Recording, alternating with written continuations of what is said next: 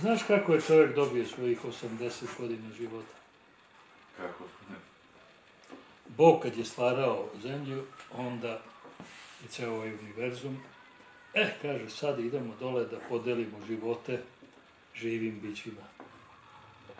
I dođe do čoveka i kaže čoveku, ti ćeš da živiš 30 godina mladosti, lepoti, snazi, ljubavi, ma sve će da te dodirne najlepše stvari. Kaže, i onda ćeš da umreš. Pozdrav, dragi ljudi, dobrodošli u novu epizodu podcasta Ubud kulture. Moj današnji gost je legendarni slikar Janoš Mesaroš i sa njim ću razgovarati o putovanjima, o hrani, o njegovom životu uopšte, tako da bit će mnogo, mnogo tema za razgovor. Hteo bih da se zahvalim Manč Melovu zato što podržava i deli iste vrednosti kao i ja i hteo bih da se zahvalim ljudima koji me podržavaju preko Patreona i Paypala. Linkovi su u opisu. Uživajte.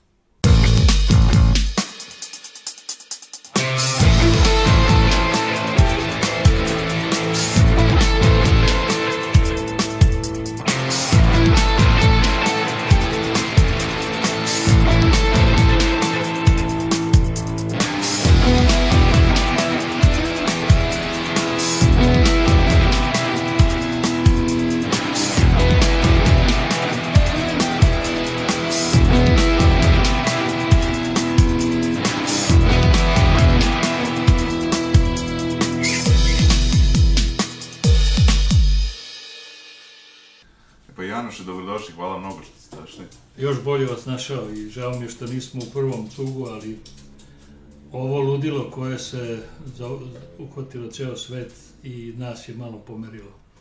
Ali kažu nikad nije kasno. I tako je. A recite mi, za početak da se pitu jedno manč pitanje, a to je e, koje, da kažem, mesto na kome ste izlagali je ostavilo najveći utisak na vas? Vi ste obišli ceo svet tri puta, pa... A teško je to reći, sve je to interesantno, zato što ja ne pravim te obične izložbe da sad pakujem slike. Samo jednom sam pakovao pa sam nadrljao, pratit ću se ja da objasnim kako. Onda sam ja na kraju shvatio da je moje koferče, moja glava, otputujem sa materijalom, kupim tamo platno i slikam na licu mesta. Što kaže, dao mi je ne znam ko taj dar da lako stvaram, da slike iz moje glave teku kao voda i ne može me zaustaviti. Mislim da je Brazil bio, Brazil je bio najluđi, taj grad eh, Rio de Janeiro, reka u januaru, tako je ime dobilo što su Portugalci kad su osvajali taj deo Amerike, oni su mislili da je to reka. Bio je januar, kaže, evo ovo ćemo sad nazvati reka u januaru. Neverovatan grad, ogroman, video sam te favele u kojima su ljudi pričali, uspeo sam da uđem da vidim, video Copacabana, plažu koja je dugačka 8 km, gde svakodnevno dođe milion kupača. To je doživljaj koji teško objasniti, A nije baš ni bezbedno tamo, tako? Pa ni, ništa nije da vi sad odete u neki deo Beograda i tamo se nećete osjećati bezbedno. Ako se normalno ponašate i normalno izgledate, opasno je da stavite dva fotoaparata, pa torbica, pa to, to, to bi bio izazov da vas možda napadnu, ali kupite isto onakvu majicu koju oni nose espadrile i tamo je večito leto i proleće se smenjuje. E, potpuno ne, nešto što je teško objasniti. Vodili su me na televiziju da bila mi jedna žena iz Beograda, prevodilac i pitali su me šta je ono što me dotaklo onako, baš dodirnulo. Ja kažem, neverovatno, video sam jako bogate ljude i video sam jako siromašne ljude. I svi su imali isti osmeh. Znači, nisu imali neke te svoje neprijatelje i taj što je bio siromašan, ništa mu nije trebalo više od te neke radosti što žive. A reci mi, kada ste bili u Brazilu? Ste bili više puta i... Ne, jedan put sam bio i ne bih voleo više da idem jer kad odete iz onog ludila koje se ovde dešavalo 99. Mhm. kad je to bilo i to bombardovanje i to ludilo, odete i tamo dočekate 2000. Znači nešto, ja sećam se kao klinac, joj kako će to izgledati 2000. ta godina, kao prelazimo u nešto drugo i, i bilo je neverovatno. Ali naravno kad, kad su počeli da, da puštaju te e, svetlosne efekte i kad je počeo da grmi, ja sam tako želeo da odem ispod stola još pod utiskom Beograda, kneza Miloša stanovao kad je bilo bombardovanje, su počeli ovi da rokaju, krenu ljudi, imao sam jednog irskog setera, Milice, ja kažem, Milice, odavde moramo da odemo, ovi su mnogo precizni. Tako da preko puta sam stanovao one zgrade koji su onako, kao što kaže, kroz noćak pustili to čudovište, pa razorilo ta, tu zgradu samo. Tako da, lep je bio osjećaj, jedan put sam se oslobodio i naravno mnogo dobro izložbu sam imao i sve sam slike prodao i sve sam pare potrošio koje sam zaradio, šest meseci sam bio. Saćam se da su me drugari koje, sretao sam i dosta Beograđana, drugari ko, sa kojima sam napravio tako neke kontakte. Na moj odlazak, ja se ne sjećam jer toliko sam bio alkoholisan, tužen što moram da idem. Dakle, u Frankfurtu kad sam se probudio, ja u kratkim pantalonama, ode zima, to januar bio mesec, ode zima. U Beograd kad sam sleteo, ja nemam ni jedan dinar, ni jedan cent u svom džepu od onolikog bogatstva koje sam zaradio na, na, na slikama, ali imam ja običaj da kažem, kad vredi terati, vredi i preterati. Da se ima taj Slažem osjećaj da što na pola puta da stane. A recite mi, pored toga, bili ste i, u Aziji, u, negde sam gledao da ste baš spomenuli u Kini vašu Da, da, u Pekingu baš. To mi je bila, ne znam kome sam rekao, kao gde nisi imao izložbu. Pa rekao, nisam imao u Indiji, nisam imao u Kini i u, so, u Rusiji, da ne kažem Sovjetskom savezu. U Rusiji nisam imao i posle kratkog vremena dođe jedan moj dobar drugar, kolega, Jan Glozik iz Kovačice. Kaže, Januš, jel bi išao u Kinu? Da. Gdje sve je bilo završeno za nekoliko dana, mi smo otišli. Kinu je teško otići, tamo ne možeš da odeš da konkurišeš, da praviš izložbu, nego mora neko da, ti, da te preporuči, ipak je to još uvek ona zatvorena zemlja. Ali ko nije bio u Kini, ko nije video, ja mislim da će nas oni jednog dana pojesti. Nestaćemo, nestaćemo, samo će oni postojati. To je mnogo moćna zemlja. Ne, I mnogo moćan narod, to poslušan. I naravno, kad sam bio i video kineski zid, onda sam rekao, sa ovim ljudima nema šale. Kad su u ono vreme na takvim, u takvim gudurama, to, to nije kineski zid pa da kažeš sad da ga prave na nekoj ledini, to su gudure koje ovako idu te, te planine. Ništa ne možeš, nego moraš uzeti nešto da nosiš rukama i da to ostaviš tamo. Znači, nikakva mehanizacija, ništa. I naprave dva- 2000 i nešto kilometara. A recite mi, da li su reakcije ljudi različite u zavisnosti od kulture njihove ili ono zavisi individualno e, na slike, mislim, reakcije?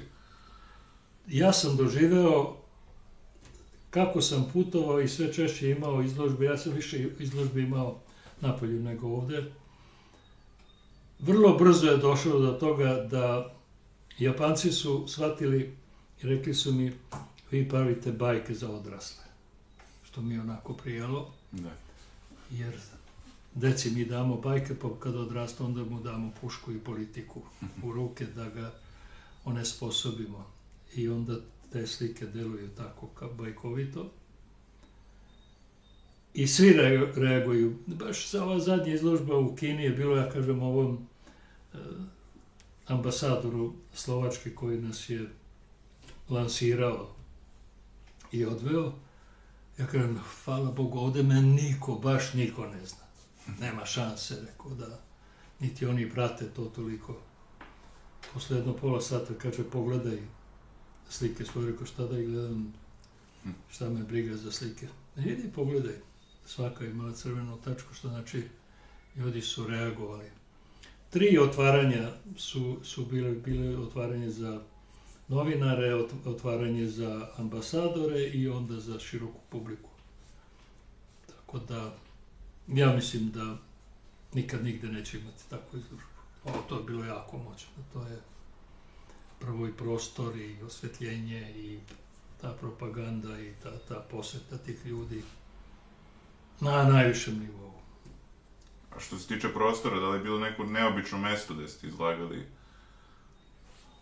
To su pretpostavljam pretežno galerije i... Ne, pr- pretežno su bile galerije, ali bilo je, pošto sam ja čovek eh, kozeri koji volim da pravim iznenađenja ne samo za druge, nego i za, za sebe. Uvijek sam testirao sebe do kojih granica može moje ludilo i, i ta neka blesavost, da tako nazovem. I da je voleo sam da pravim, recimo, jednom mom prijatelju sam u Somboru, galerije Renata, dogovaramo se za izložbu otprilike kao i ovo, ovo sad što radimo, se dogovarali. Ja njemu kažem, znaš šta, vidim ja u tvojoj galeriji 21 slika će da stane i odredimo datum, ja dođem u crnom fraku, leptir mašta, lakovane cipele, povedem jednog drugara koji mi je bio pomoćnik i donesem 21 prazan ram i okačimo to. I sad on jednog trenutka zna koliko sam sklon da pravim te neke čudne gluposti. Ne sme ništa da me pita. A to je otprilike na jedno sat i po pre otvaranja izložbe. On je to reklamirao, zna da će doći puno ljudi i pozove me na stranu, kaže, izvini, moram da te pitam šta je ovo. Tako hoćete biti najluđa izložba koja je ikad u životu napravljena. Ma koja izložba, bre, prazni hramovi, ćemo biti budale, bre. Ej, ovo su ozbiljni ljudi, o, Sombor je grad slikara, grad vaspitane publike. Pa baš zato rekao, to, to će biti. A šta ćeš da, šta će to da bude? Pa jesi donobar slike? Ma koje slike, ništa nisam donao. Rekao, samo mi napravi jedan ovako, dva stola mi spoji. I naravno publika dolazi, svi se nešto okreću, gledaju šta je sad ovo. I ja kažem, ništa nemojte da brinete, sad ću ja vama da pričam kako ždrebac i ždrebica vode ljubav. Naravno, odrastao sam na selu i znam kako to izgleda. Ja sam njima kroz priču ih animirao, a dole sam radio te pastele, pa pomerim, pa fiksiram, pa drugi, pa treći, a ovaj već sam uzimao, skida ram i ubacivao. Tako da za sat i po vremena sam ja 21 pastel napravio i rekao sam, e, sada je izložba otvorena. Neki su to primetili, a neki nisu. I došao ovaj gazda, kaže, ovo, ovo nije normalno. I onda rekao, ajde da to napravimo, rekao ja, prostitutka nisam ja, jednom napravim je dva puta, neću ne, nisam voleo da se prostituiše, zato što to tako jedan udarac ili meni u pleksus tu zaboli me, nije to jednostavno ući u takav fajt, ali moje ludilo je neograničeno. A eto, sad ste spomenuli ovaj, konje, oni su glavni motivi na vašim slikama. Šta vas je to privuklo da Uf, baš... šta sam sve ja izmišljao za to. Pa otko znam, zato što tu gde sam ja živeo u Novom Bečeju, preko puta su bili moćni pauri koji su imali svoje konje, onda vršnjak, e, njihov sin koji je, je oca Miletaški, sa kojim se se družio, tako da ti konje ti postanu kao svakodnevna stvar. I taj miris i to kad te konj već prepozna pa počne da te njuši pa gura glavu da, da se mazi kao i psi kad te zavoli pas to nema većeg prijatelja. I ne znam kada sam doživeo tu težu povredu kičme u sportu, Reći ste se vi bavili futbolom da, do 26. godine. nikad se ja ne bi bavio slikarstvom. Da sam mislio, kao što svi znamo da pišemo, a ne pišemo romane. Ako sam to što sam ja znao da da crtam, ništa mi to nije dalo za pravo da ja budem slika pogotovo što sam mašinstvo završio, pored futbala. I te teške operacije da bi me stavili na noge, bio sam u kolicima. Davno je to, zato što je u to vreme, 69. ta diagnostika bila ne kao danas, danas na, hirurg uradi na slepu kičmu. Ono je bilo klasičan snimak rengenski i pogotovo desna noga, leva unoliko otišla, ali nisam mogao da hodam. I stave me na noge u Novom Sadu, mladi neurohirurzi me stave, imali su hrabrosti da to otvore. I neverovatno, kada sam se budio iz te anestezije i počinjao da vidim ljude oko sebe kao da sam ja neki drugi čovek. Ja sam imao osjećaj da oko mene sve ove slike koje ovde postoje u, u, u ovoj maloj monografiji, da sve slike lete u, u mom mozgu, kao da je to bilo negde gurnuto na stranu i da sam ja bio na pogrešnom mestu i da je to bila moja uloga zašto sam došao na svet da bi dao ove slike koje sam stvorio. A naslikao sam, sad će još malo 60 godina kako se bavim slikarstvom, naslikao sam slika da im se broja ne znam. I ne vodim računa o tome. Nekako te izložbe, dok sam došao do broja, da je 300, valjda, onda sam prestao da brojim. Kataloge sakrivam. E, uopšte to ne dajem nekakav značaj.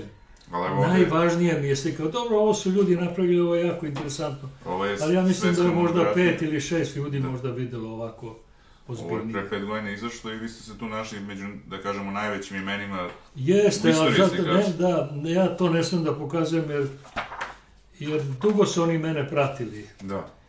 I Ima tu jedna, jedna lepa rečenica, možete je pročitati, ja sam tražio da bude i na našem jeziku. Pročitajte ovo i bit će, bit će jako interesantno da, da ljudi čuju kako je čovek to napisao. Na glasno pročitajte. O, još davno sam napisao, nije teško pisati, teško je znati pisati. Ako to pretočimo likovni podražaj kod Janoša, njegova znalačka sposobnost otiska uopšte ne, ne postavlja pitanje znanju. Ovde se radi o nadogradnji znanja, o razvijanju veštine poruke koju šalje. I ništa više da nije napisao. Dovoljno. I alternativna vizija je ovde jedino moguće, njegova.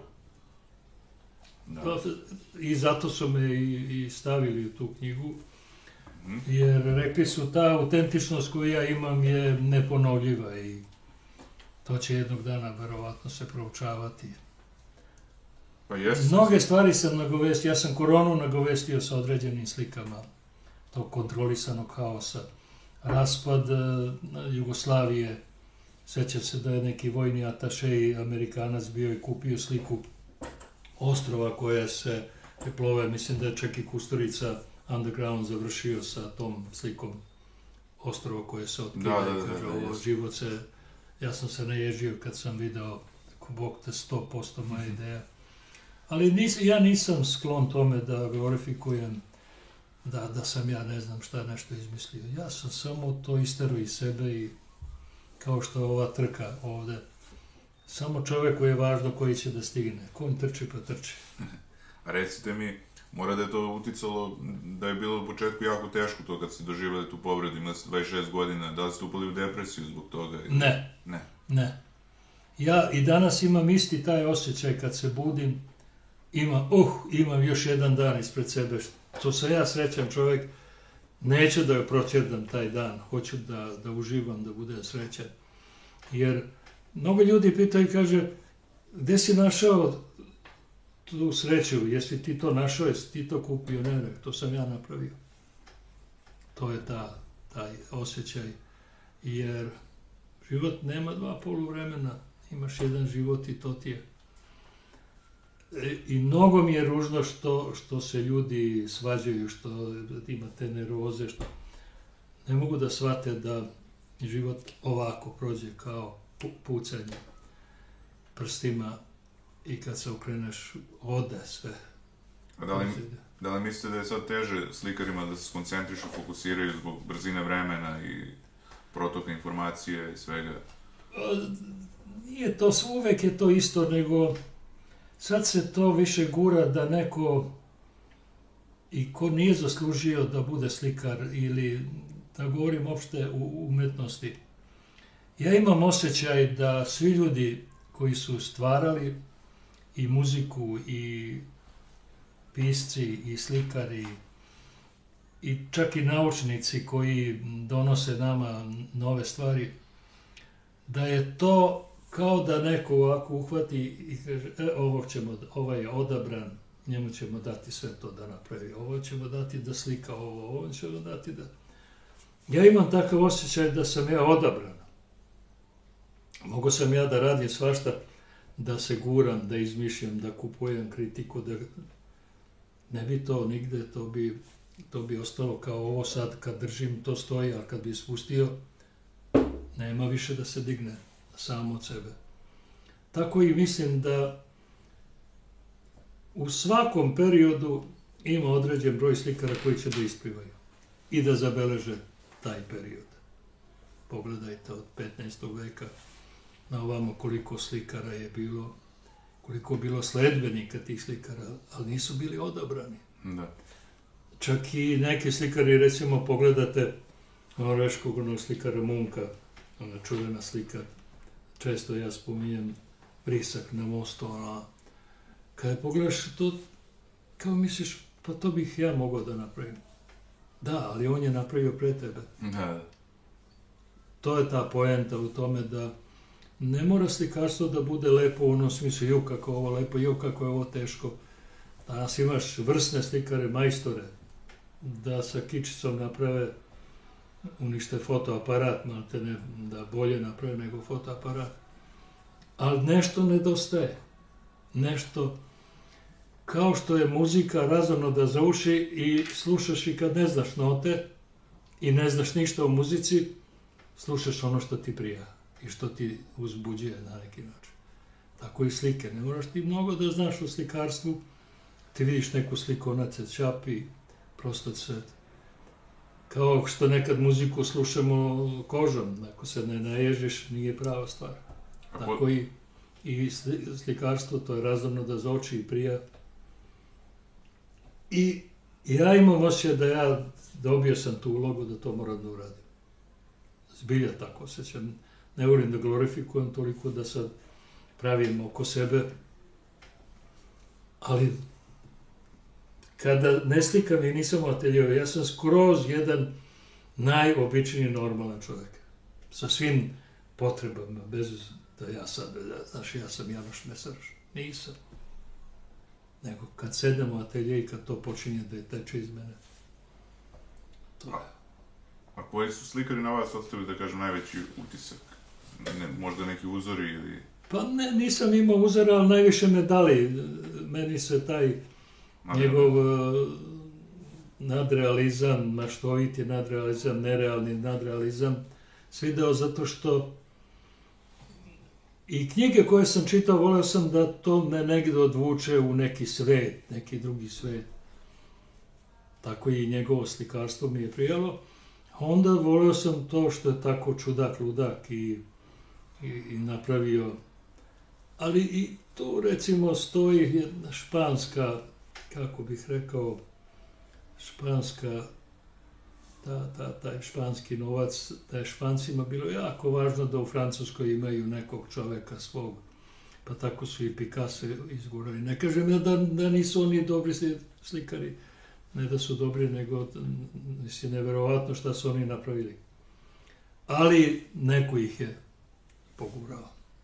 Bar ja tako pretpostavljam, možda nisam upravo, ali Bi, bilo je mnogo u Španiji dobrih slikara, neverovatnih, ali nisu mogli da izađu. Kasnije, kad tek su nestali za vreme života, nisu mogli da se probiju. Ova dvojica su se probili.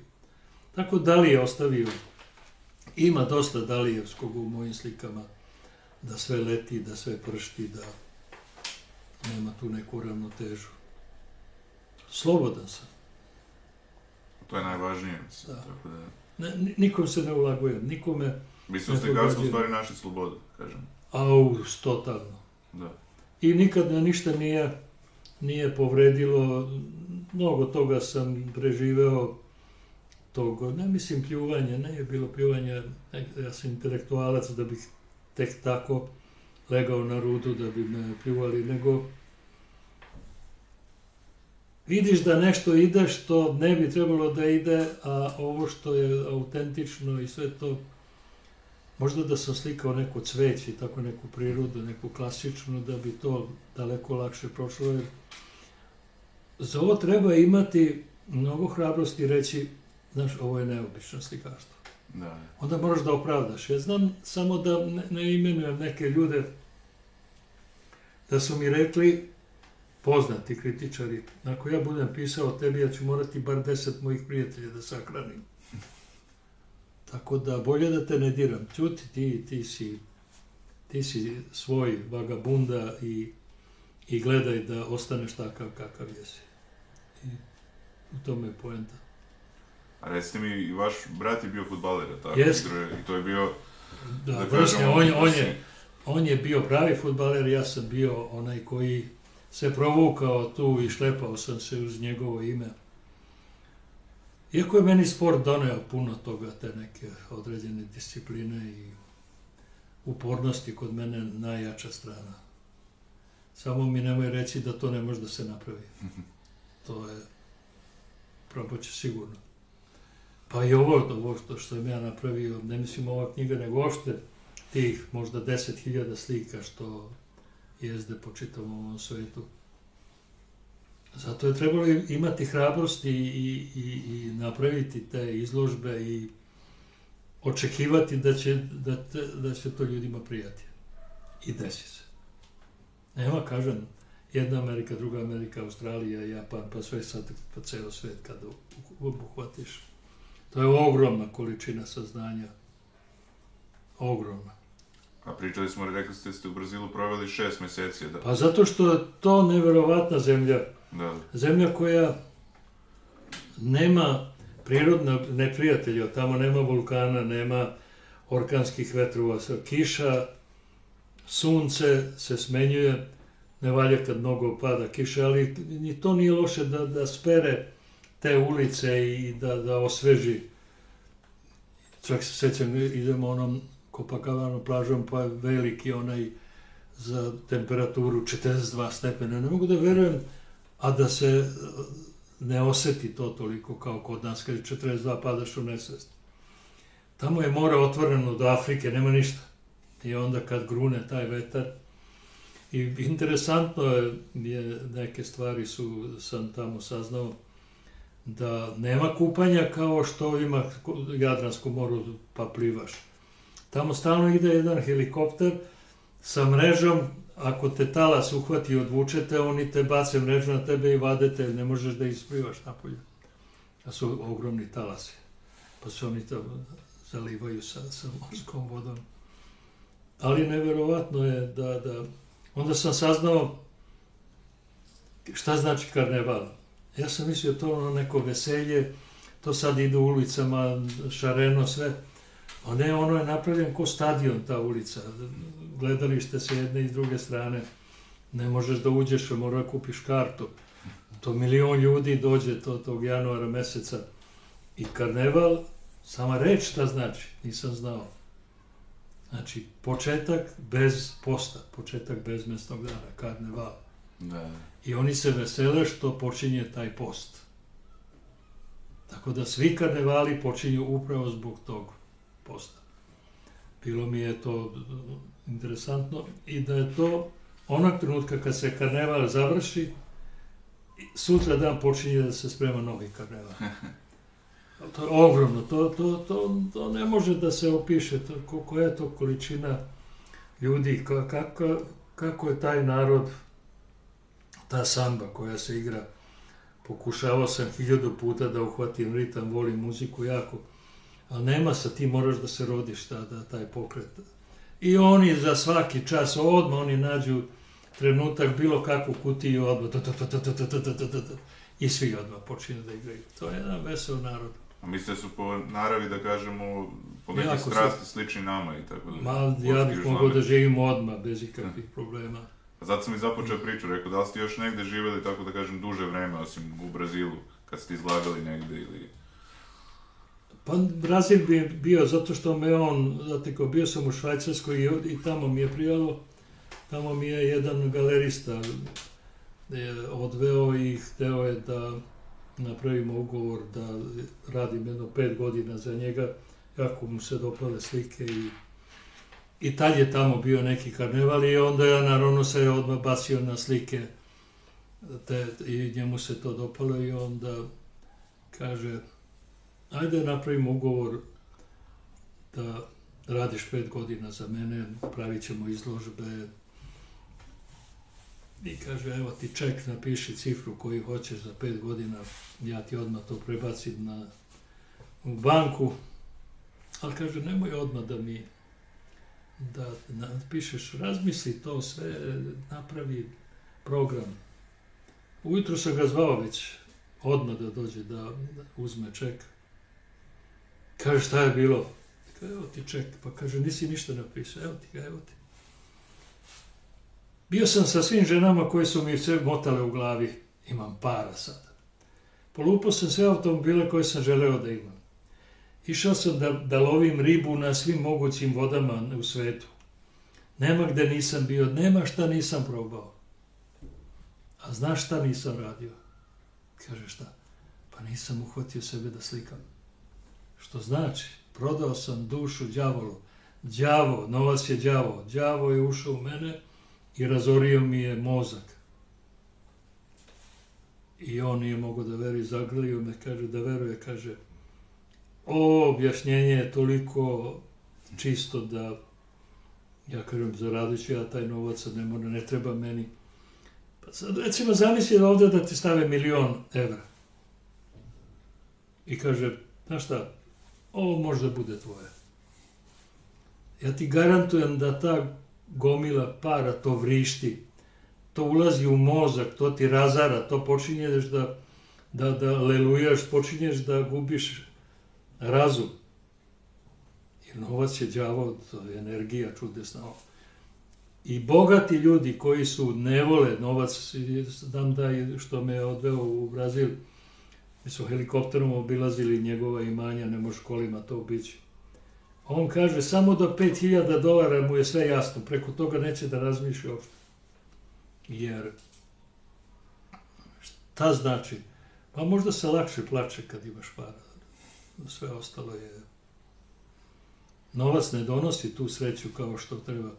Harmoniju kad čovjek napravi, harmonija, to je Bog. Harmonija je Bog. On, on, on ti da da budeš u ritmu, da, da budeš srećan, da budeš zadovoljan, da budeš zdrav.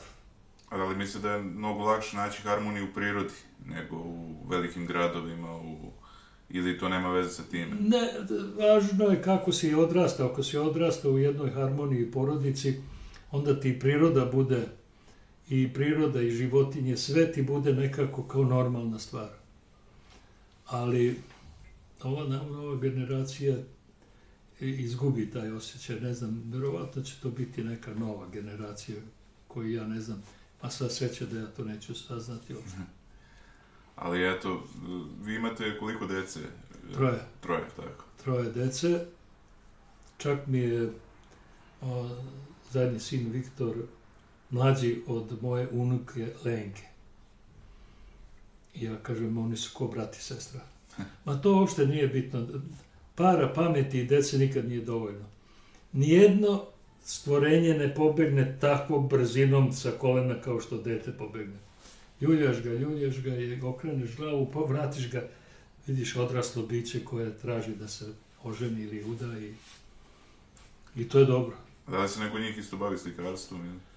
Ne, niko se ne bavi. Monika, ova najstarija čerka, ona je neverovatno talentovana i završila je Akademiju za lutkarstvo, ali onda se desi, neko ti stane na put, ne budeš ono što sam malo pre rekao, nisi odabran i onda sve te prepreke koje te u životu sputaju, prosto te ne daju, jer nisi odabran. Kad si odabran, ti si hrabar, ti, da. ti nemaš prepreka, jer to te gura, to nešto ima što, što što, što, kako bih rekao, u tebi stvara tu energiju, još ovo, još ovo, još ovo, još ovo, nema prestanka.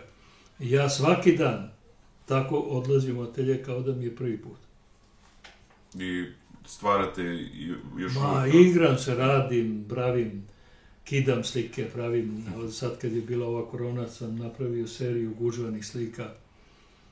E, toliko sam bio rezigniran što je sve ovo došlo i ta, toliko imam osjećaj da neko rukovodi sa tim jer nemoguće. Čak sam sad i pročitao neku knjigu Homo Deus, mala istorija budućnosti, da sam pročitao sve te neke pandemije koje su bile, sve su imali nekakav tok, ali nijedna nije imala kao ovaj. Polazna tačka, pa onda odjedan put čita svet zahvaćen na jedan takav način. I onda postoji odmah rat. Da, onda- čudno, mislim, Sve-. Ima, bit će toga još. Ja mislim da na, na onom mjestu jednom sam pročitao prvo će zavladati infotehnologija, to ovo malo čudovište od telefona, koje evo, ljudi više ne mogu bez toga. Ja još nikako da naučim da vladam s tim. Znači, ta infotehnologija kad se završi, dolazi ona najgora tehnologija, to je biotehnologija. Ulaze nam u organizam. Jer kontrolisati toliku količinu ljudi koja će biti da sve to je prosto nemoguće tek tako proizvoljno. Morat će to da se namesti taj neki red i onda se gubi harmonija. Kad se izgubi harmonija, 5% ljudi će vladati svetom, a ovo će biti zombi. Pa već je, da kažemo, većina ljudi su, malo da kažemo, kiborzi, mislim. Telefon je kao produžena neka ruka, ono, kao da, ovaj, tako da, Nema te radosti kad odeš na, na ledinu, kad trčiš bosonog po onoj travi, kad te vazduh e, ponese, pogotovo ja sam u Panonskoj nizi, ja sam panonski čovjek, ma samo malo kad se popneš imam osjećaj da vidim kraj sveta, da je ta ravnica nevjerovatna. Onda drugo, taj osjećaj da ti hodaš po nekadašnjem dnu Panonskog mora. To smo stalno istraživali, kopali, nalazili te školjkice na, na hiljade komada, što znači more je stvarno bilo to. Ja sam odrastao, mnogo, Novi Beč je mnogo lepo mesto, to ste vas pitam kod raste. da Otac mi je bio relativno bogat čovjek, on je bio stolar i kolar i pravio se pravilo se mnogo toga lepoga u, u, u njegovoj radionici i mnogo toga sam naučio. I onda ta bezbrižnost, ta, ta, ta, ta, ta širina koja ti ne, zau- ne može da zaustaviš pogled. Kaže, kad baciš pogled, treba ti tri nedelje da se vrati nazad. Da, Zato recimo kad sam odlazio u Crnu Goru, ja kažem, Bože, dokle ćemo ovo, nema vazduha, nema sve pritiska, sve mi ne nije, ja sam pravi panonski čovjek. Znači, planirano me prije toliko. Ne, ne, zato što nemam osjećaj da, da, da vidim daleko, kad na, na nešto navikneš. Ima ta, ta ravnica ima, ja mislim da svaki iskreni čovjek koji je rođen u Panonskoj nizi ima dva straha nevjerovatna, a to je voda i suša. Da li taj osjećaj da je tu nekad bilo Panonsko more, pa da je ta voda da ima te, te podzemne vode deluju. Samo da ne dođe, sada počne nedelju dana pada kiša, evo vraća se Panonsko more, taj strah. A onda kad je suša, to je ispucala zemlju. Ima to na mojim slikama. Često, čak mislim da sam pravio neku sliku, ono čujem ljudi, paori, kažu, joj, ne mogu u njivu da uđem unutra, kako da osušim zemlju. Odem u atelje, napravim štrik i okačim im parče zemlje, da se osuše. To su te neke ideje koje sam ja crpio od, od, tih ljudi. Veći tih taj strah od eh, poplave i od eh, suše. Da je ta Vojvodina je. Ne Vojvodina, Panonska nizi, jel tako? Isto je to tako gdje je jedan deo Mađarske i jedan deo Rumunije gdje, gdje je ta, to Panonsko more ostavilo traga. Ima nešto. Definitivno. A eto i odatle imamo i dosta, da kažemo, um, pa dosta umetnika je odatle isto došlo. Mislim, iz Vojvodine generalno, mislim. Da, ta Spomenuo ste mešavina... Sombor, Sombor je Da. baš, kažem ti, grad slikara, tu je i Konjović, Sava Stojkov, da, Blesić, sad je umro, nažalost, ali doživeo duboku starost, 93-4 godine. Pavle je bio baš onako interesantan čovjek sa njegovim kapijama. I čitava jedna garda slikara koji nisu afirmisani, ali opstaju i rade. Radaković, no, sada ta, Novak, što kaže Nada, ima interesantnih slikara. Pa i u Novom Bečeju čitava jedna grupa slikara se pojavila. Da li ta ravnica tera čoveka ili pa je to Savo Šumanović iz Šide. da, da, i, ili ta mešavina tih ljudi. Ja sam bio začuđen kad me, kad je počelo to da vibrira, da se tu nešto na, na tlu dešava u onom smislu ta nacionalnost, mi nismo vaspitani bili tamo. Onda sam u Jagodini ili Svetozarevu imao izložbu i neka mlada novinarka priđe, priđe i kaže kako se osjećate vi kad došli ste u srce Srbije, a kao odakle ste došli, pa ja kažem nisam ja došao od nikud, ja sam odavde rekao. Pa kad ste vi došli iz Mađarske? Mislim, to je jezivo saznanje, odmah sam rekao, znate šta, drugi put idite kući, malo proučite tu istoriju, kako to glupa pitanja mi postavljate. Nisam ja od nikud došao, ni moji nisu došli od nikuda. Tu su pa tu. Samo su se granice vekovima pomerale i ljudi su samo ostajali. Pa one Erdelj, u, što je ostalo u Pesmi. Rumuniji. Aha, Erdelj na mađarskom znači Šumadija. da. On je uzeo lenjir povukao i kaže, dva miliona Mađara ostalo u Rumuniji. Šta sad? Šta sad da radi? To je ta nepravda. Popije malo vode, sušila se grla. Mnogo pričam. Ne, ne, u redu je sasvim. A recite mi, da li imate neke planove što se tiče budućnosti za neku izložbu ili nešto? Nemam ništa više. Ja nemam više vremena da, da žurim, jer e, mislim da sam sve dotakao, o šta mi se do grlom drasilo. Polako. Da sam sve dotakao što sam trebao i da sad samo uživam u tome što vidim kako mi deca rastu, kako unučad raste, kako sam ja kriv što se sve to desilo, što imam toliko i dece i unučadi. A recimo što je problem, ranije smo imali, da kažemo, slikare zvezde, ove, koji su se pojavljivali na televiziji, često su bili, da kažemo, u emisijama i sve, ali sad kao da ne postoje više u ovim mlađim generacijama te neke zvezde slikari. Ima, ima jako dobrih mladih slikara, međutim, neću da uplovim u, o- u ovaj deo priče koje je zašto je to sada tako. Da, Stvar je jednostavna. Treba uništiti nešto što oplemeni čoveka. Svi sistemi se strahom hrane. Mora se proizvesti strah. Kad se proizvede strah, onda ogromna količina ljudi koje, koje taj strah, ta pogotovo čarobna kutija, televizor, uspeva da, da napravi od njih jednu vojsku. Pa samo pogledajte, kako je 8 milijardi ljudi, stavite maske, stavili maske ljudi. I kraj priče, znači uspeli su. Tako da taj strah koji se proizvodi uništava i e, stvaraoci postoje, slikara ima, umetnika ima, ima neverovatnih. Nego to se stalno onako zataškava, za, nema, nema, nekada, je, ja se sećam, na izložbe se išlo kao, kao i događaj, da. na koncerte se išlo kao događaj. Na pozorište se išlo kao događaj. Danas je to toliko razvodnjeno sve kao razvodnjena limunada. Ni, ima boju, ima izgled, a ukus nikakav. Kod mene su bili isto nekoliko slikara i slikarki, ovaj, mislim, ja ih gledam da promovišem i mlade, nepoznate, ali do duše, o- ovi što su bili slikari, oni su već, neki od njih su i, da kažemo, i poznati.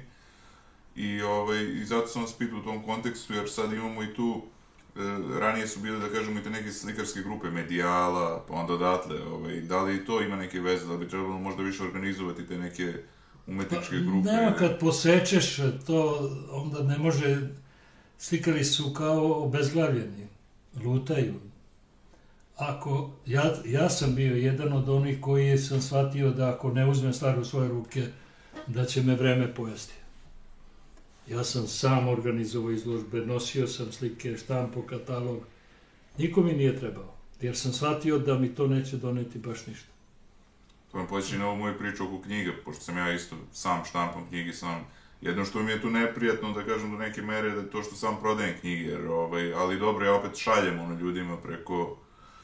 Ako Tako da, to ne znaš da radiš, da prodaš svoju knjigu, onda si u ozbiljnim problemima. pa znate kako sad je možda i dosta lakše nego u vaše vreme što se tiče ovih zbog društvenih mreža, interneta, Da. brže se može doći do ljudi tako to, tako da... Pa svako vreme ima svoje eh, dobre i loše strane. Naše vreme muziku smo slušali samo kad uhvatiš radio Luksemburg negde uveče 8 kad je top 20. Ako uspeš da čuješ par pesama, odmah to zabeležiš, a danas to izvadiš u istoj sekundi, znaš šta se jelo u, u Vašingtonu, u Beloj kući. To je taj protok informacija. Protok u informacije je neverovatno brz. I šta se sad tu dešava? Da prosečan čovek koji ne bi trebao da, da ne, ne, mislim da nema saznanja, nego da vlada, sad, sad je prosek opasna stvar. Sad misli čovek da sve zna, da je to sad plafon znanja. A nije, to je, uf, Puno ima tu i dezinformacija i... Ma, da. ma sve se manipulisuje to. da, da. Kontrolisani haos, to imam ja jednu seriju slika gde sam sve objasnio, to će, pronaći će oni to kako sam ja koronu nagovestio, to dve, tri godine pre nego što će korona, uopšte te lopte su se pojavile, to, su, to je bio taj virus koji... Vidite, to mi je zanimljivo, izvinite što sad prekidam, prošli, u jednom od prošlih podcasta bio mi je gost Vladimir Lalić, on je isto slikar i ima... Znam, znam ga. Da, da, da. I on ima bend organizovani haos, pa mi je to, Da. pošto on se bavi muzikom, pa eto tu sam našao. Pa ja sam se kao mladić bavio, bubnjar sam bio, čak sam sa pokojnim Dragoljubom imao i, i u ateljevu 212 imao nastup, on kaže, ti to, tako gledaš u bubnjeve kao da, da, da ćeš da ih pojedeš. Pa ja kažem, pa ja sam malo kao klinac lupao.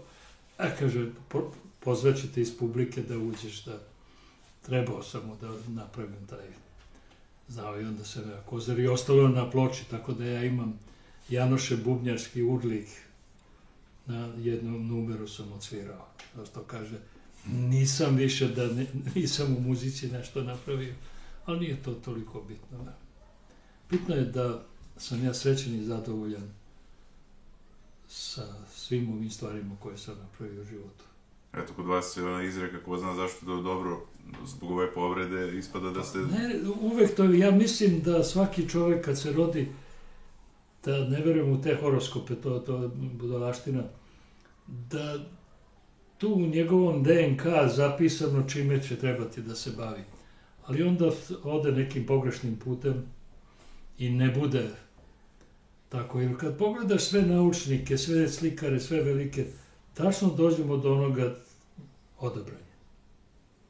Možeš ti da se trudiš koliko god hoćeš i da pišeš i da, i da slikaš i da komponuješ.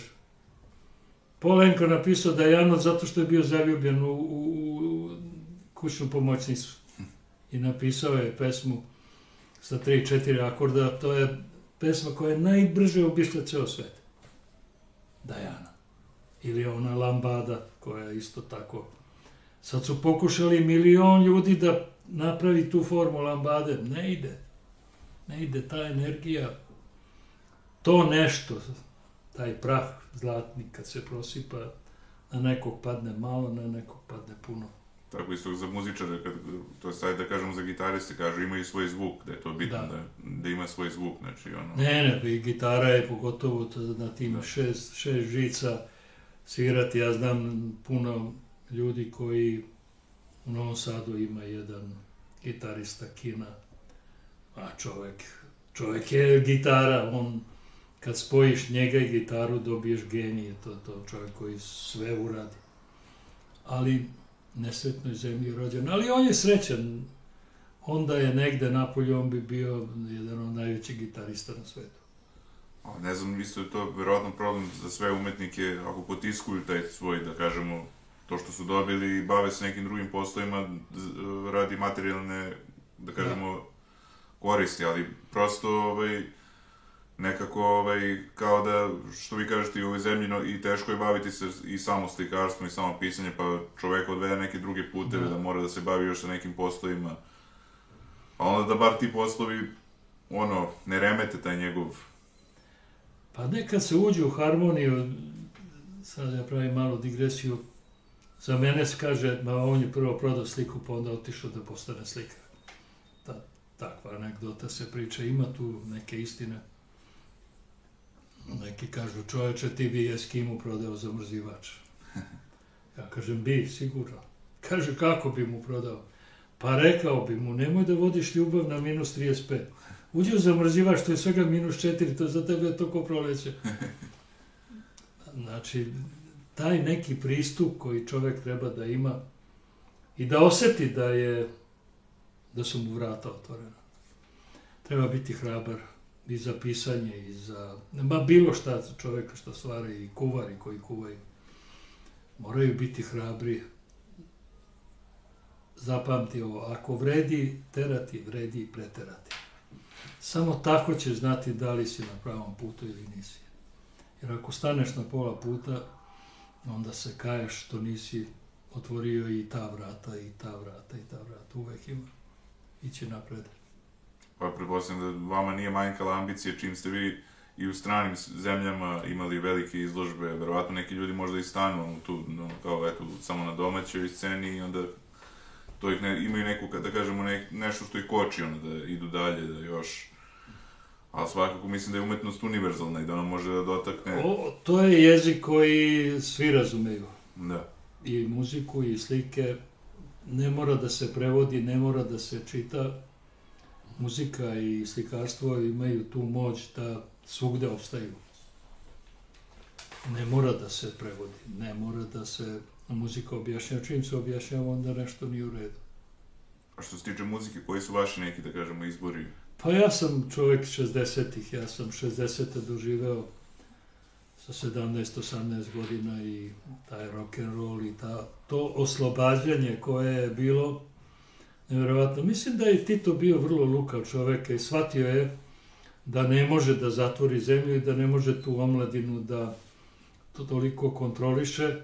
On je pustio da to neka, ne može ništa da navodi, čak naprotiv je bilo jako prijatno. Ma ja se sećam kad dobijem neku ploču iz Londona, bile su neke, neke, kako bih rekao, institucije u Engleskoj gde si ti mogao da uplatiš, ne znam, 10 5 ili 5 funti i onda ti oni pošalju, dobiješ spisak ploča. Ja znam kad nataknem tu neku London singlicu, ja sam mogao na svaku žurku da uđem bez ikakvih problema, bez ikakvog poziva. Znači nosiš najnovije neke ploče Pet Buna, Elvis Prisleya, Harry Belafonte, Little Richard, Brenda Lee, mislim, to je muzika koja je tada bila čista, zdrava. Nemam ja ništa ni protiv ove muzike, ali ona me ne uzbuđuje. Te ritam mašine i ta veštačka muzika. To će se desiti u slikarstvu. Da će ta veštačka inteligencija da pretvori sve naše slike u nešto, neko ludilo će napraviti i ljudi će to razumeti drugačije nego što treba. Da li ste protiv onoga što se, da kažem, verovatno najviše slike, ne znam, Gustava Klimta ili uh, baš Munka pojavljuju na raznim torbama, na raznim, ono, da kažemo, tim nekim... Nema ništa protiv, to je čak dobro, neko nikad u životu ne bi video Munka ili Gustava, nikad ne bi vidio da nije u, u, u toj širokoj populaciji, odnosno komercijalizovano. Da. Neka se vidi, jer kako drugčije doći do, do tog saznanja, neko pita "Ju, šta je ovo? Znači dobije to saznanje. A mislite da ima još prostora, sigurno da ima, za neke nove pravce u slikarstvu, nešto da se novo napravi, a da bude vredno, tako da kažem. Pa mislim, tehnologija će da, da, da napravi... Ja imam osjećaj da ovaj 3D, da će to da, da malo zavlada. I ova tehnologija, kompjuteri, veštačka inteligencija će biti u dosluhu sa nekim stvaraocem koji će upotrebiti to kao pomoćno sredstvo. Zanimljivo da slikarstvo ništa do sad nije uništilo, znači pojavio se i, bio i fotoaparat i kompjuter i ono, pojavio se i novi mediji, ali slikarstvo opstaje bez obzira. Da, pa zato što da naiđe taj period, taj, taj hiperrealizam, to, to je neverovatna pojava bila, to su, to su ne slikari, nego to su rudari, čoveče koji sa te tri dlake prave sliku mesecima. Ja recimo mogu da napravim sliku u jednom dahu, metar sa metar u jednom dahu. Nemam popravke, nemam dodirivanja, znači to teče iz mene. To je drugi način samo tog stvaranja. Nemam ja ništa protiv ovoga, čak se divim ljudima, jer ja to ne bih mogao, ja bih eksplodirao. Zato sam mogao da nosim svoj kofer i svoju glavu i da na licu mesta pravim izložbu. I onda mi još i dodirne da, da taj neki neki kako fluid koji prolazi kroz te države i kroz te ljude. Ne mislim da im se ulagujem, nego iskoristim taj, tu pojavu. A negde sam, gledao sam jednu emisiju da ste rekli da, da vi si kulinarstvom, ili tako, ovaj, talentovani ste za kulinarstvo. Kad bi mi kuhinju oduzeli, mislim da bi mi kao jednu ruku odsekli. Svaki dan kuvam, svaki dan smišljam neka, neka jela, ali sam ja isto kao što sam slike oslobodio da ne budu opterećene sa puno detalja, tako pokušavam da u svojoj kuhinji napravim najjednostavnija jela, da recimo ako praviš riblju čorbu, onda napravi riblju čorbu da osnovni začin u ribljoj čorbi bude riba. Da ako praviš gulaš da osnovni začin bude to juneće meso koje treba da preovladava taj miris i ukus toga. A ne staviš neki kineski začin koji ovde ne, ne kao, uh, vidiš što sam sad stavio začin, pogledaj kako to sad dobro staviš usta, ono vatra na, na uši, ja kažem, pa mogu se ovde i papke staviti, pa da kažeš ribi paprika s papcima. Nemaš osjećaj, ubijen je. E, ja sam taj sušta suprotnost. Bez tih e, silnih začina, samo ono osnovno da bude. I naravno da budeš u dosluhu sa vatrom. Svaka, svako jelo se drugačije, druga temperatura kuva. A koje vam je omiljeno jelo? Pa, pa, paprikaš, čak sam na, na, na, na Facebooku se zovem Janoš Paprikaš. Tako da paprikaš je nešto što tajna to kuvanja paprikaša je neverovatna. Ali, mislim, ja je mogu stalno ispričam, međutim, ljudi ne veruju da je to to. Pa koja je tajna? Pa da se ne doliva, kad si sve stavio i kad to počne da krčka, nema više dolivanja, kao u, uvrilo mi je pa dospeš vodu. To je gotovo, to više nije to to. Nego znati koliko tečnosti staviti, koliko će se vremena kuvati, koliko će to ispariti i da ostane taj, kako bih rekao, ono, ono najfinije, najtananije što je iz mesa izašlo i iz svega onog što se stavio. Ja to znam po tome što kad se pihtije prave, ako pred kraj vidiš da nema dovoljno tečnosti i sipaš jedno pola litra vode, to se nikad više neće upihtijati. Jer hemijski proces tog želatina, ti ga sa novom vodom razbiješ i one više ne može da se spaja. E tako isto i kod kuvanja tih jela koje, kao i supa, koja, kako su babe naše kuvale, stavije na, u smederecu na kraj tamo šporeta, stavi ujutru i do dva sata to pućka. na najtišoj temperaturi. I onda kad jedeš tu supu, ne možeš da shvatiš kako je, odakle taj ukus.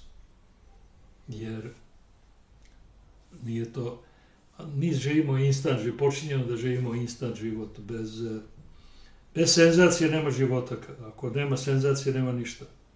Tako da moja deca izlaze u grad, jo, ništa nije bilo. Bilo dosadno. Znači treba da bude neka šorka bez uh, senzacija. Instant život je ta, traži senzaciju. Zapravo je najteže možda za čoveka da napravi sam nešto zanimljivo, ono, da ne mora da čeka od spojenog sveta. Da... Kaže, gde si našao tu sreću? Pa nisam našao, ja sam i sam napravio. To je otprilike, to je taj odgovor. A teo sam vas pitam vezano za kulinarstvo, kad ste putovali svetom, da li vam se nečija kuhinja posebno svidela ili... Voleo sam, strašno sam voleo sve kuhinje. Ja nisam probirač, mogu sve da pojedem.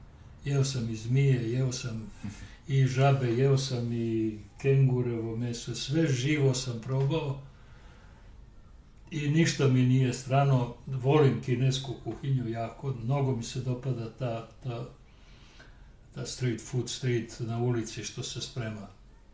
Nigde nisam jeo lepše i, i bolje pohovanu belo pileće meso nego u, u Kini. I pošto ne znam kineski, onda slika pa pokaže šta ti treba. On odmah pred tobom to, to pravi i, i shvatiš da su oni neverovatni. Ono meso postane ko ješ se naduva ovako. Da li to što ga stavi u brašno pa ga on tamo stiska, kad stavi to vrelo ulje, a to je za dva minuta ovako naduvano, staviš usta, to je ukus, uf, neverovatno.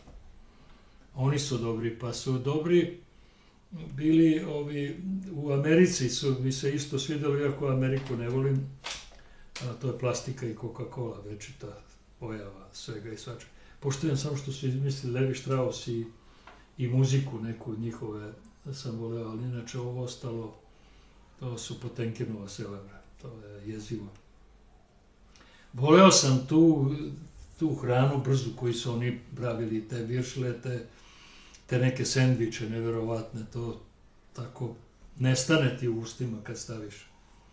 A u stvari to sve neka, neka čudna plastika. A recite mi, da li ste imali želju, rekli ste da ste proputovali ono, ceo sve tri puta, a osim Brazila u Južnoj Americi, da ste bili još u nekom, uh, nekoj zemlji? Nisam u tim državama, nisam bio, meni je Brazil bio potpuno dovoljan da, da, da shvatim tamo gde američka ruka nije došla, te su mnogo lepe zemlje, kao što i Kuba bila, tako i, i Brazil će nestati kad uđe McDonald's i, i Coca-Cola u, u, u, oni su majstori da to unište. Pa Mađarsku su isto zeznuli sa, sa svim tim nekim, ona koja je takvu kuhinju imali neverovatno sa tim instant životom. Ali to je verovatno suđeno. Sve ide ka tome, ali na čoveku je da se odupre i da ide svojim nekim putem i... Pa zato kažem, ujutru kad ustaneš, samo traži svoju sreću i boli me briga za, za, i za ovo što se sad dešava u svetu. Ne mogu ja to ništa, nisu me ni pitali. Da. Ne mogu ništa ni da učestvujem, ne mogu... Kaže, za koga navijaš? Pa za koga navijaš? Pa kad se pravi šorka između zvezdaša i partizanovaca, ne navijam ni za jedna, nego mi je žao što se tuku. Žao mi je tih, tih povreda koje doživljavaju. To je Vi ste kao futbaler igrali za Slobodu, tako? Da, to znam za Slobodu. Počeo sam u Vojvodini, onda sam prešao u Slobodu. Vaš brat je igrao za Partizan u onoj zlatnoj... Naj, da, Zlatna, da, Bobek, Zebec, Milutinović, Valuk, Čajkovski, Milorad Milutinović, Miloš Milutinović. Bora mi je bio, on, mi smo isto godište, mi smo se igrali na stadionu, jer na, najviše sam Zorana Miladinovića, pošto je tako isto zvrg bio koji ja, što sam bio zvrg, puno iznenađenja. A onda je vaš brat isto igrao u Americi, ali tako? To da, posle, da, Aca Obradović je pravio jedan soker, tamo se futbal ne zove futbal, nego soker. Tako da su oni bili pioniri koji su napravili u Kaliforniji 3-4 tima. Uglavnom su bili Jugosloveni, Torres, Earthquakes i još neke, onda posle toga je počelo i u Njorku, da se to su i Pelea angažovali, tako da... Gledao sam dokumentarac i Beckenbauera, ali Da. bilo je zanimljivo, vidio sam kad je Pele rekao kao ja, on- ja neću moći više da igram, kao zašto, kao dobio sam neke gljivice, kao u stvari su oni ofarbali teren u zeleno i onda je on mislio da je dobio kao neki, Da. ovaj, da se to je bio uprašio. tek početak, ovaj, da, da, da, Pa to, je to, to ti je ta plastika i Coca-Cola, velika. da, da. Potemkinova sela, sve to, sve to sija, sve to blješti, a u stvari to je jedna majstorska prevara. Bio sam tamo i ono, zavisi nekako ono i od mesta do mesta isto, pošto su ono, tamo i čak i za, različiti su zakoni u zavisnosti od države, jel? Ovaj, ali recimo interesantno mi je bilo recimo da u San Francisco 70% su Azijeti. Ono, čovjek bi pomislio da će tamo da vidi, da. Ali, Da, San Francisco je grad koji najmanje liči na američki malo mi je drugačiji bio, da, to ste da kažem, od ovaj, ostalih, Recimo Los Angeles koji da nije mi se svidio nikako. 100 jedinica taj freeway koji ide od Sacramento do San Diego, sve u, pored mora, on prolazi kroz Los Angeles 180 km sve vreme kroz grad. Znam kad sam zvao nekog drugara, školskog drugara, dobio sam telefon i ja ga nazovem i ja kažem, rekao, joj, ja bih voleo da se vidimo. Pa ti, kaže, gde se ti nalaziš? Ja kažem, ja sam u Pasadeni. U, kaže, ti si 120 km udaljen od mene. Pa rekao, u kom gradu ti živiš? Pa kaže, jeste, tu sam u Los Angelesu i ja. To je ogroman grad, to je... Onako dosta razbacan. A da, zato što je mnogo malih tih mesta Da, se da, spojilo da, da. i, i onda ne, nema samo taj downtown je, ima tu visokogradnju. Ovo ostalo svako ima po neki bazenčić, dvorište, niskogradnja. Pa nije, kopala činka se, što kaže, razvuklo. Tu sam vidio baš da je, mislim, živeo ovaj, trenutno mislim najplaćeniji slikar na svetu, Hockney. Da, Da je on baš u Los Angelesu, ta serija slika koju je slikao, da je to bilo kad je tamo bio. Bio je dokumentarac nedavno, pa sam pogledao. ne, ima neverovatni slikari u Americi da, Da, da, da. ti pamet stane. E, Pogotovo u Njorku, onaj deo Sohoa koji su, ne isplati se da sruše te magazine, onda su to dali ljudima koji se bave nekim slikarstvom, nekim vajarima, pustili su im, dali struje i vodu besplatno, onda tu, ja sam tu video takve slikare, da kažem ovom drugaru, mom, nema slučaja, kažeš da sam ja slikar, ne, Mhm. moj, molim te. Slike neverovatne sam video, pogotovo sa tim airbrushom što prave, to je ta neka vazdušni kist, kako bi rekli mi preveli. Neverovatne slike. A da li ima da smatrate da je neki slikar, spomenuli smo Dali, ali da je neki napravio nešto što je napravilo, da kažemo, revoluciju u slikarstvu, da se do tada slikalo na jedan način, a da je on promenio. Pa mislim da ne, nema toga, ne ide to naglo, to je isto kao kuvanje žabe. Da. Kao žabu kad staviš u vodu pa je lagano greješ, ona će se brčkati dokle god ne bude skuvana. Ako je baciš u vrelu vodu, ona će iskočiti. Ne, ne trpi kao ni u muzici, nema, to sve ide tako u talasima, lagano prelazi iz, iz eh, jedne ideje u drugu ideju.